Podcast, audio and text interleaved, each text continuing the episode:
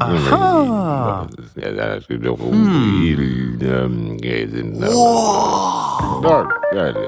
Vzeto na znanje. Podcast Kemijskega inštituta.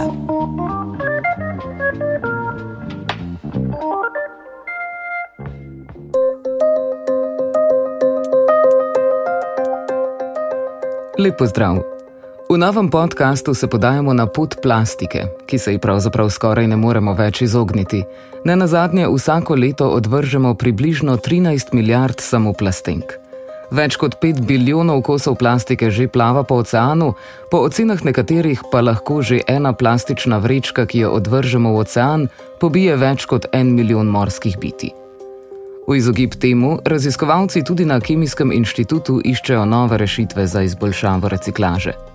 Gostja tokratnega podcasta je dr. Ema Žagar, vodja odseka za polimerno kemijo in tehnologijo, ki se predvsej ukvarja prav s študijami vpliva onesnaženja okolja s plastiko in razvija nove pristope k reciklaži polimernih materijalov z namenom zmanjšati okoljski odtis polimerov in olajšati prehod družbe k nizkoogličnemu in trajnostnemu krožnemu gospodarstvu. Za začetek smo dr. Žagar prosili, naj nam razloži, kaj sploh so polimeri.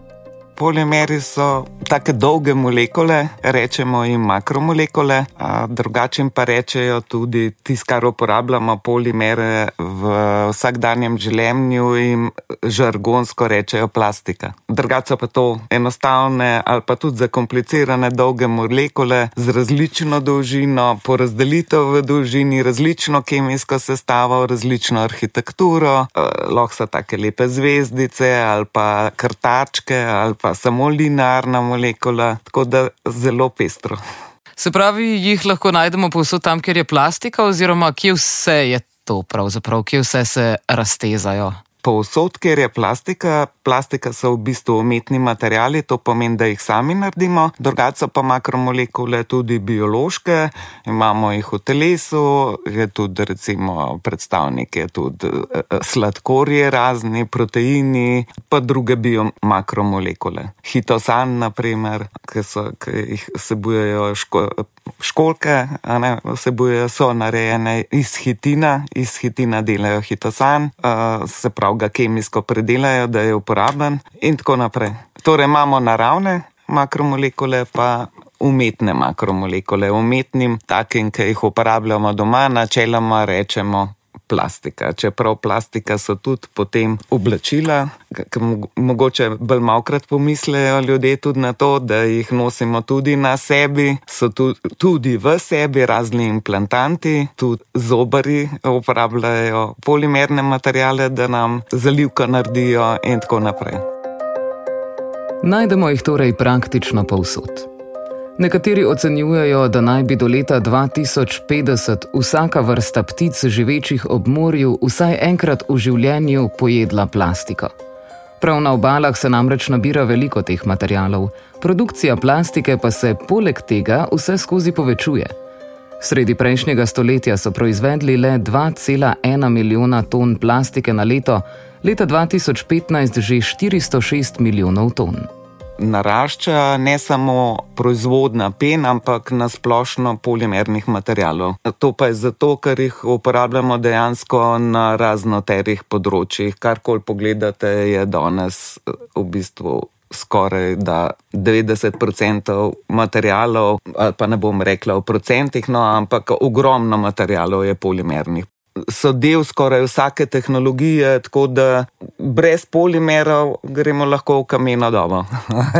tako da zelo se ljudje jezijo nad polimeri, čeprav se strinjam, da tudi upravičeno, ampak dejstvo je, da se pa družba tudi ne zaveda, koliko jih dejansko vsakodnevno uporabljajo. Ravno vsakodnevna uporaba verjetno pripelje do tega, da to potem zelo hitro postane odpadek, čeprav po drugi strani gre verjetno za precej odporne materijale. Ja, sintetični polimeri, predvsem taki, ki so sestavljeni iz CC vezi, so zelo odporni, dejansko ostajajo v okolju desetletja, stoletja. Dejansko je zdaj, recimo, prišel članek, ki ugotavlja, koliko so odporni materijali oziroma koliko časa ostajajo v okolju, je zelo citiran in seveda zelo zanimiv. Dejansko ne vem, če so že za vse materijale polimerne, ki jih je seveda velik vrst, definirali, koliko časa ostajajo v okolju. Dejstvo pa je, da zelo dolg. In da se strinjam, če ne bomo bolj fokusno oziroma bolj načrtno delali s temi materijali, pa malo bolj po pameti, da nas je oziroma nas bo to pripeljalo še v večje težave.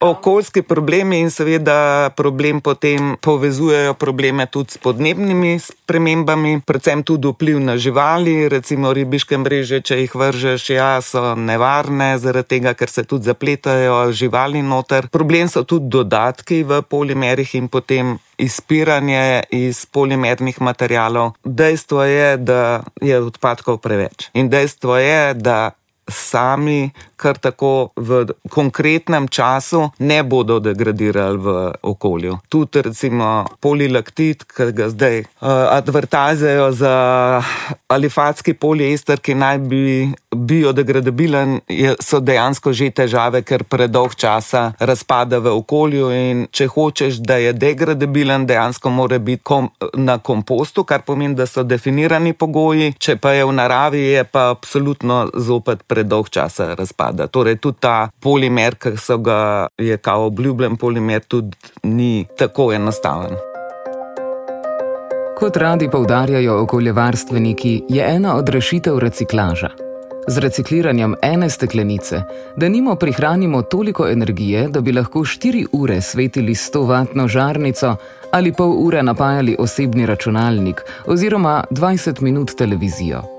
Dr. Ema Žagar razloži, zakaj potem ne recikliramo vsega? Če jaz rečem, ja, smo razvili postopek za reciklažo poliamidov, to pomeni, da smo samo nekatere od poliamidov, ker tudi pri poliamidih imaš ogromno vrst. Recimo, mi smo za alifatske poliamide, to je za PA6, 6, 6, 11, pa 12. Seveda imamo tudi druge poliamide, to so pa lahko semi-aromatski, pa čisto aromatski, to so čisti inženirski materiali. Tako da eh, je treba biti pozoren. Kako predstavljaš uh, svoje dosežke, se pravi, ni enega, enega načina recikliranja, potem za veliko število polimerov. Zato je tudi treba sortirati polimere pred reciklažo. V glavnem je cela znanost. Potem pridemo že, kako označevati sploh polimere, da veš, kako jih sortirati, kako jih zdaj sortirati, ker niso recimo označeni. Tako da ja, je to kar močno področje, ratal, ki se ukvarja pač z različnimi stopnami, da sploh prideš do reciklaže, potem da recikliraš, da izoliraš, potem tiste uporabne stvari očistiš in naprej uporabiš. Tako da uh, mi smo se ukvarjali s poliamidi, uh, dejansko je bila naša zgodba, sem bila prav presenečena, to, kar smo objavili, je dejansko industrija k nam prišla in smo jih tudi v našem laboratoriju poučili, kako mi to delamo, kakšna je tehnologija. In uh, sem vesela, da se bojo zdaj potrudili dejansko multinacionalke, da bi za svoje produkte ta postopek uporabljali. Je pa tako, ne? vsaka firma oziroma vsaka industrija, ki dela določen polimer, recimo tudi če govorimo o poliamidih, ima svoje produkte, ki so specifične, specifični, čeprav se nadpomensko reče, da so poliamidi. Ekipa dr. Žagar na Kemijskem inštitutu se ukvarja s kemijsko reciklažo, ki nam omogoča pridobivanje dragocenih sekundarnih surovin iz katerih lahko pripravimo materijale enake kakovosti in z enakimi lastnostmi, kot so jih imeli ti materijali v izvirniku.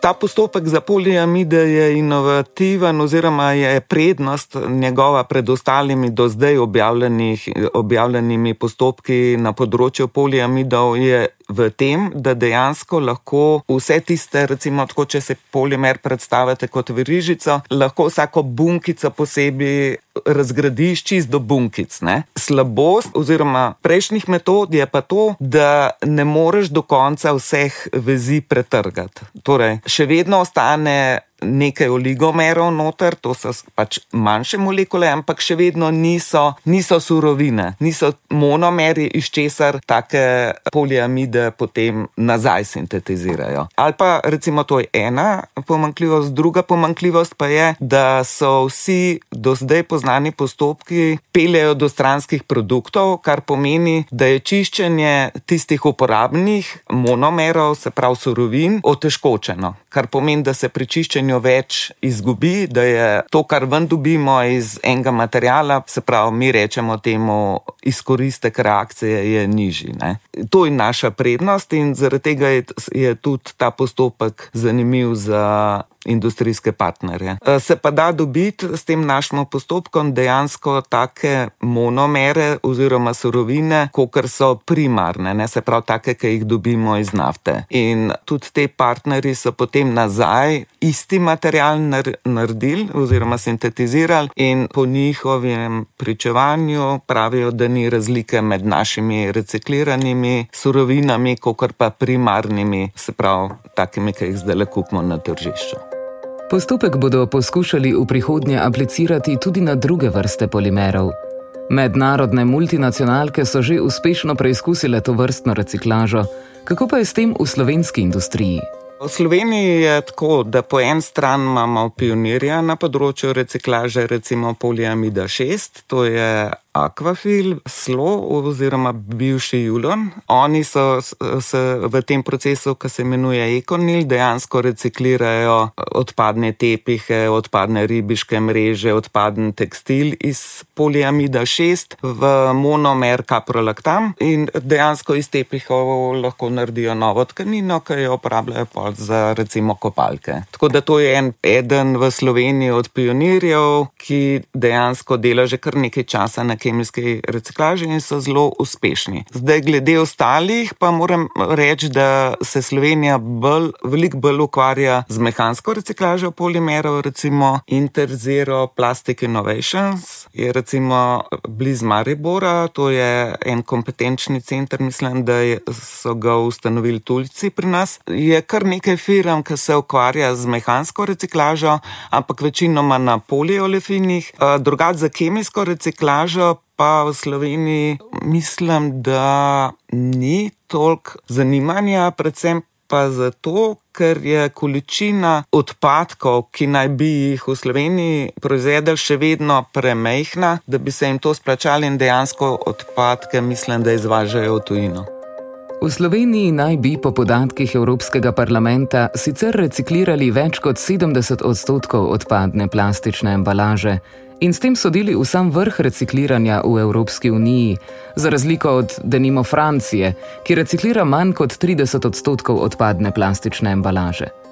Toda ali lahko predmet recikliramo vsakič znova v neskončnost? Ja, to je vedno vprašanje. Recimo pri mehanski mater, uh, reciklaži, kjer material dejansko samo segrejemo in predelamo v nov izdelek, je spet odvisno, o katerem polimeru govorimo, ampak recimo, da rečejo za poliolefine tam up to do 10 ciklov max. Ampak pri vsakem ciklu se pri mehanski reciklaži seveda lastnosti materijala poslabšajo, to pa zaradi tega, ker pri tako visoko temperaturi temperaturnem procesu pride do delne degradacije polimernih verig in ratejo malo manjše. To zdaj rešujejo tako, da samo del reciklata dodajajo v, v virgin, se pravi v polimer, ki je dober, da potem zamaskirajo to, ali pa recimo z uh, raznimi dodatki to zdaj pač lastnosti probajo ohraniti, da so še vedno zadovoljijo potrebam uporabe. Drugače na področju mehanske reciklaže je tudi fokusiran razvoj v, na različne načine. No, to je zdaj čist druga uh, zgodba. Ampak uh, na področju kemijske reciklaže je pa tako, da ja, večkrat bo material pol uporabljen, večja je verjetnost, da se dobi potem tudi nečistoče zraven. Mislim tudi že zaradi tega, ker ker delno degradira polimer ne, v času uporabe. Ali pa recimo, če, če ga ti dobiš, recimo, če je bil desetkrat mehansko recikliran, pa ga potem ti recikliraš kemijsko, je večja verjetnost, da, bo, uh, vseboval, da bojo te monomere oziroma surovine vsebovale več nečistoč. Kar pomeni, da je treba biti še posebno pazljiv potem pri čiščenju teh uh, surovin. Pa verjetno so potem izkoristki tudi manjši. No? Sej, kakšno pa je pravzaprav razlika med kemično in mehansko reciklažo? Tako kot sem rekla, pri mehanski reciklaži ti material samo. Uh, Segreješ, da steče, se pravi, da dobiš talino, ki jo lahko ponovno reprocesiraš v določen izdelek. Ne? Polimer še vedno ostane polimer, samo predelaš ga v drugačno obliko za drugo uporabo. Pri kemijski reciklaži gre pa dejansko za to, da ti razgradiš polimer do osnovnih surovin. Torej, čist na mečkene, tako kot če imaš vrižico, na osnovne te bunkice, se pravi na osnovne eh, monomere. Torej, to sta čist dve različni, različni zadevi. Posebno velike probleme plastični delci povzročajo vodnim živalim, saj plavajoče kose pogosto zamenjajo za plen. Verjetno si lahko potem predstavljate, kaj zares jemo, ko jemo ribe. 4,3 milijarde ljudi na tem svetu je ribe kot glavni vir proteinov. Nekatere obmorske skupnosti se v svoji prehrani na ribe zanašajo celo do 70 odstotno. Dr. Ema Žagar odgovarja, da nekateri že reciklirajo tudi odpad, ki se nabira v oceanih in morjih. To dela dejansko akvafil, odpadne ribiške mreže, čeprav treba je sortirati. Uh, ribiške, ribiške mreže spet ni rečen, da so samo iz poliamida 6, spet je lahko tudi poliamid 6 ali pa tudi drug material. Ne? Zaradi tega je potrebno sortiran, sortiranje, da dejansko oni, ki dajo reaktor surovino, za njih so to recimo odpadne ribiške mreže, da so res samo poliamid 6. In mi smo recimo pa tudi razvili metodo za določanje recimo v odpadkih, recimo tepi tepihi so tudi multikomponenten material, tam je enkap komponentne. Da je res, da točno določiš, kje so komponente, koliko je poliamida šest noter, to, kar oni želijo. Zakaj je to pomembno? Zaradi tega, ker hočejo vedeti, katere so komponente, da nimajo probleme eh, pri kemijski reciklaži, da, tudi, da jim ne zamaši reaktorja. Recimo, bitumen je ena taka stvar, recimo pri tepihih. In potem ne, dejansko če veš, koliko je noter tvoje uporabne surovine, te to določa cena odpadka. Se pravi, smeti, ki jih kupuješ, eh, bo cena. Zelo odvisna, koliko bo tiste surovine noter, ki jo ti hočeš reciklirati. In v primeru, da bi kakšen nepravi polimer vendarle zašel v reaktor, ja. kaj bi se zgodilo? Odvisno, ker. Se pravi, če recimo bitumen je, spet govorimo o polimerih, tisti ni fajn, ker ti zamaši.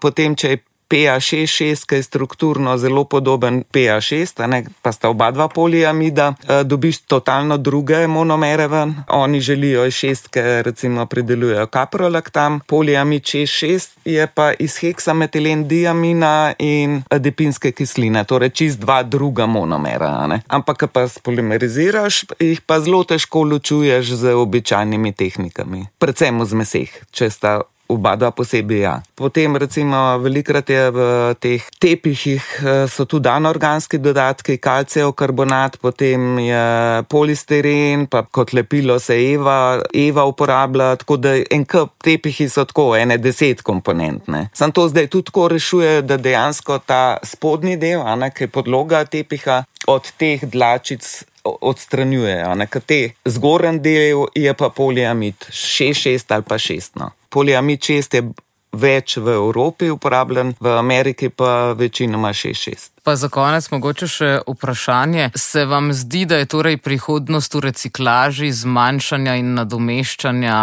tako imenovane plastike verjetno ni za pričakovati, vsaj hitro ne?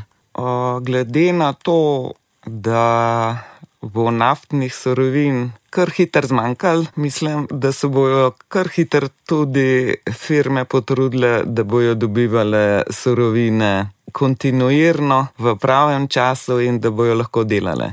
ker, kar berem, naj bi bilo naftnih surovin še za nekaj desetletij, če je to res. Ampak, če tako gledamo, to ni prav daleč, da zna biti tudi problemi z dobavljanjem surovin. Razlogov za reciklažo je več. No. Predvsem tudi družba se zaveda, da vse, vse bolj, da to onesnaževanje ne more iti v neskončnost, da bo treba že iz tega zornega kota narediti, po drugi strani je pa dejstvo, da bojo polimeri najverjetneje žgli zaradi tega, ker jih bodo mogli reciklirati, ker bo to tudi eh, strani eh, ustvarjalcev politik težnja, da bojo veliko dražji. Torej, zdaj so polimerni materijali poceni, pa ne bojo več dolg. Polimeri v obliki čistilnih gobic, ležišč, avtomobilskih sedežev, oblazinjenega pohištva in podobnega bodo v takšni ali drugačni obliki verjetno torej skoraj zavedno okoli nas. Vedno pa obstaja, vsaj na nivoju posameznika, tudi možnost zmanjšanja ali nadomeščanja materijalov, ki jih uporabljamo. Z nami je bila danes dr. Ema Žagar, s katero smo spregovorili o kemični reciklaži. Prihodnič pa se bomo spustili v povezavo med antropologijo vonja in kemijo. S profesor dr. Mojco Ramšak. Vabljeni k poslušanju. Do prihodnič pa vas lepo pozdravljam, Pija.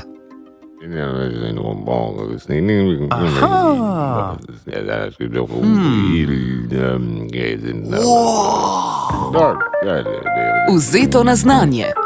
Podcast Kemijskega inštituta.